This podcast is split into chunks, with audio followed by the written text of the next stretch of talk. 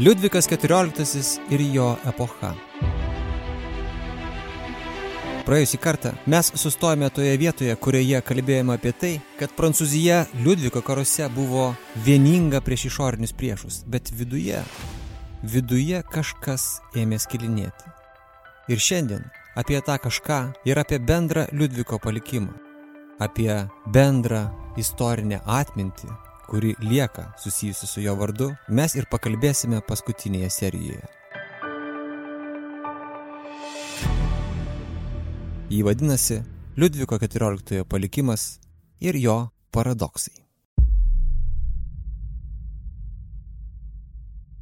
Liudviko karai iš tiesų suskaldė Prancūzijos visuomenę. Nes kol valstiečiai plušėjo vos nemirdami iš bado, diduomenė ir toliau naudojosi skandalingomis privilegijomis.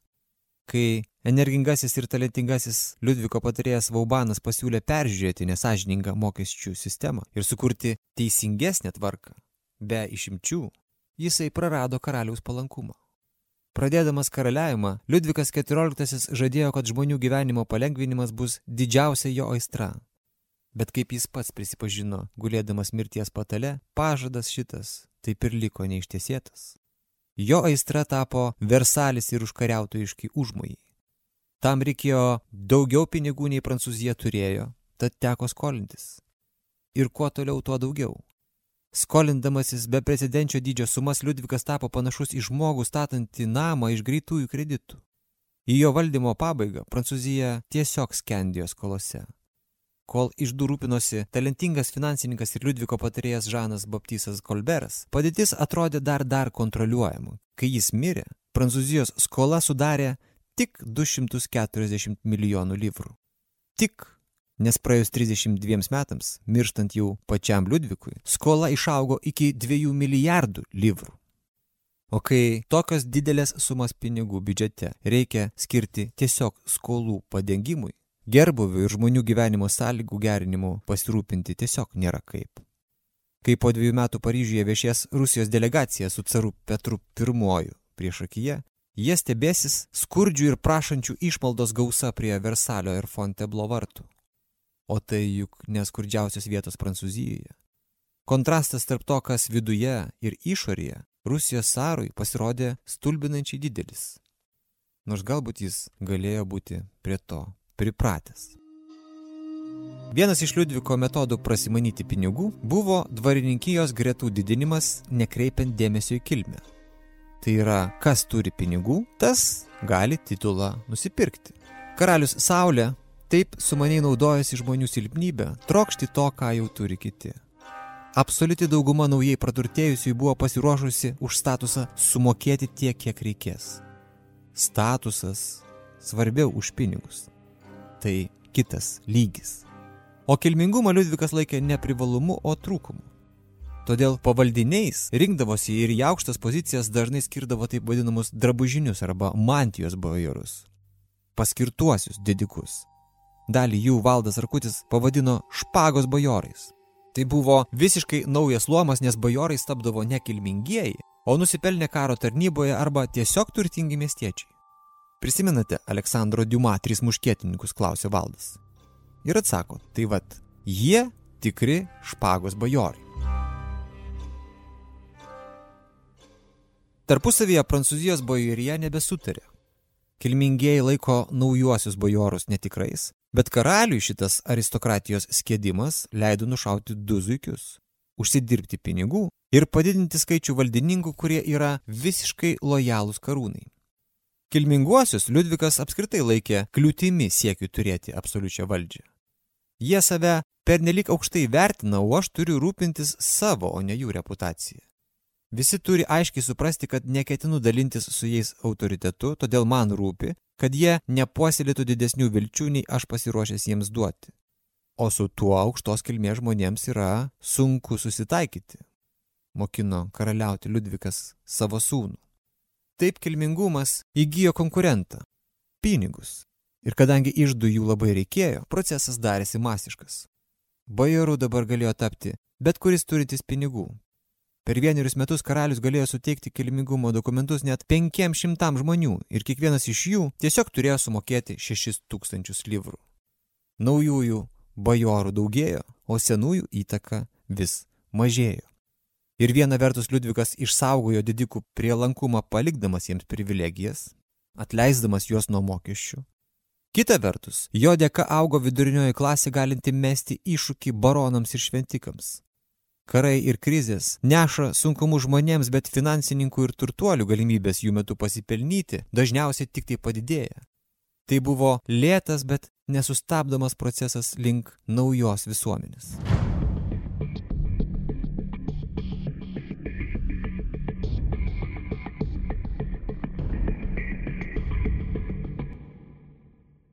Visuomenės, kurioje nebebus reikalinga aristokratija, kuriai nebereikės ir senųjų karalių, kuri turės naują karalių, kuriam paklūsta ir lenkėsi visi. Tai yra pinigus. Ir Prancūzijoje viskas baigsis tuo, kad būtent šitas naujasis trečiasis luomas, tas, kuriuo atskiesdamas aristokratiją Liudvikas XIV pasinaudojo, tas trečiasis luomas ir nušluos Prancūzijos monarchiją. Praėjus 73 metams po Liudviko mirties, Prancūzijos monarchija sumokės už viską. Už aroganciją, už gyvenimą skolon, už viską. Ir viskas prasidėjo nuo Liudviko XIV. Štai kokia ironija.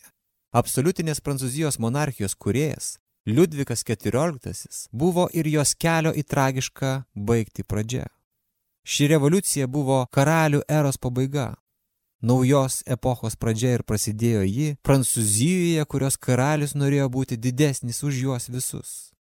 Ta revoliucija, kaip rašė Normanas Devisas, nors ir padarė Prancūziją respublikoniškumo paštulų, kartu reiškia ir jos pranašumo pabaigą. Pranašumas. Kaip jau galėjote girdėti Valdo Rakučio serijoje apie 30 metų karą, Prancūzija iškyla būtent po jo. Su kardinolu ir šelyje prieš akiją Vestfalijos taika tai 17 amžiaus vidurys. Liudvikas XIV tai to amžiaus pabaiga ir 18 amžiaus pradžia. Ar po jo didžioji Prancūzija tapo dar didingesnė ir pranašesnė?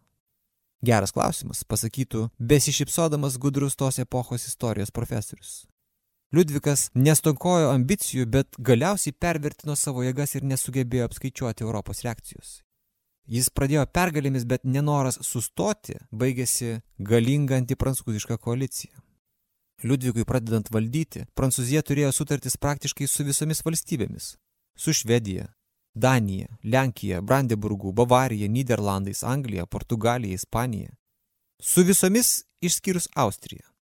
1715 Liudvikui XIV išeinant, Draugių ir sąjungininkų sąraše liko tik tai Ispanija, Švedija, Bavarija ir dar kiek atokiau Osmanų imperija.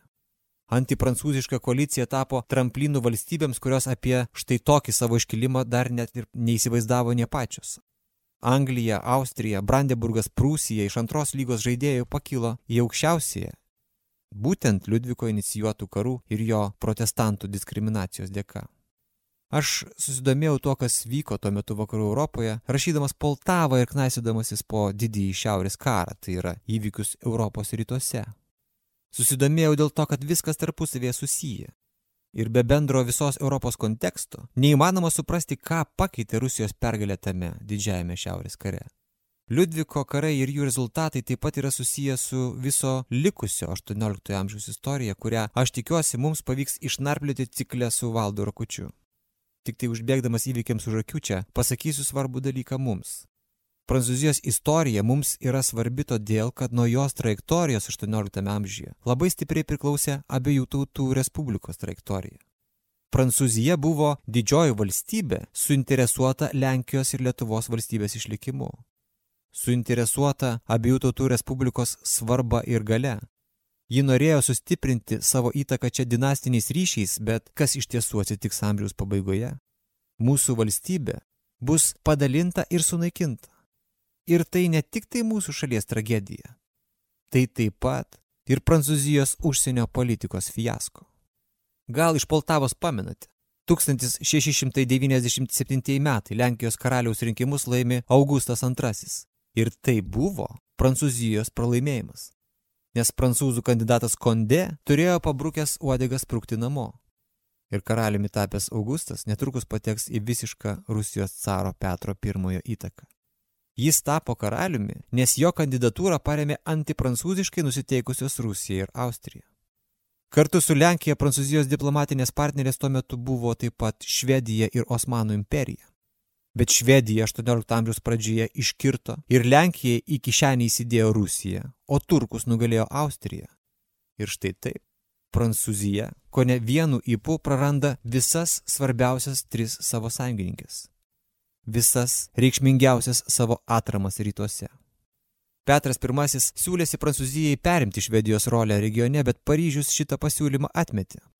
Prancūzija nesugebėjo reaguoti adekvačiai į pasikeitimus šitoje Europos dalyje. Iš esmės, Rusija gavo progą iškilti rytuose todėl, kad vakarai buvo užsiemę savais reikalais.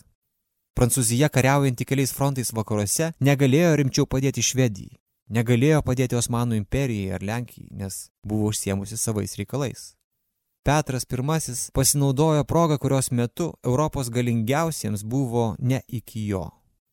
18 amžius baigsis ne tik tai revoliucija Prancūzijoje, bet ir abiejų tautų respublikos padalinimais. Ir tuose padalinimuose grobi pasidalins Rusija, Prūsija ir Austrija visos Prancūzijos priešis. Šitas amžius buvo jų iškilimo ir Prancūzijos nuosmukio amžius, nes visos jos iškilo Prancūzijos didybės sąskaita.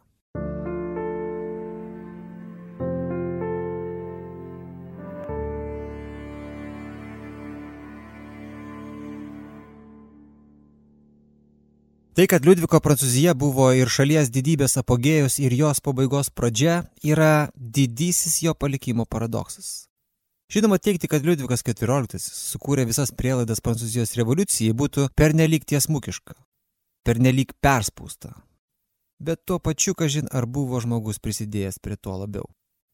Kartais istorijos grandinėje susijungia rodos nesusijungiantis dalykai. Taip kaip pavyzdžiui istorijoje apie karalių Saulę ir kavą. Liudvikas neišpopuliarino kavos, nes pirmą kartą paragavęs šito keistai kartaus gėrimo neliko sužavėtas. Tačiau palikęs kavą už Versalio rūmų, jis netikėtai sukūrė madingą paryžietišką naujovę - ritualą gerti šitą gėrimą susitikimų metu. Jeigu Liudvikas būtų priėmęs naujovę, ji būtų tapusi karališka. O dabar tapo miesčioniška ir plintanti būtent už dvaro sienų. Padovanotas Liudvikui Javoje išaugintas kavos krūmas atsidūrė Paryžiaus botanikos sode ir Liudviko jau nebus, kai šita dovana taps prancūziškos kavos plantacijų pradžia Martinikoje.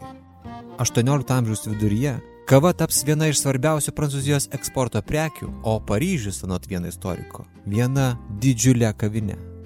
Rodos viskas puiku. Prancūzija rado dar vieną prancūziškumo simbolį. Valstybės išdas gavo dar vieną pajamų šaltinį Bet šitos istorijos atomazga netikėta. Nes Prancūzijos revoliucija prasidės būtent Paryžiaus kavinėse, kuriuose paryžiečiai karštai diskutuos apie supūvusi dvarą, pilietinės laisvės ir žmonių teisės. Ir diskutuodami tie revoliucionieriai gers kavą, maišys į ją cukrų ir rūkys tabaką net nesusimastydami, kad visa tai yra sunkaus vergų darbo, tai yra jų atimtos laisvės ir jų atimtų teisų rezultatas. Prancūzų revoliucija sproks 18 amžiaus pabaigoje, bet pirmieji jos daigai sudygo gerokai anksčiau, kartu su pirmaisiais Versalio tulpynais. Pilną šios serijos versiją, kaip ir visą kanalo turinį, klausykite tapę Roberto Petrausko Substack kanalo prenumeratoriumi. Ačiū visiems ir visoms, kurie mus klauso ir remia.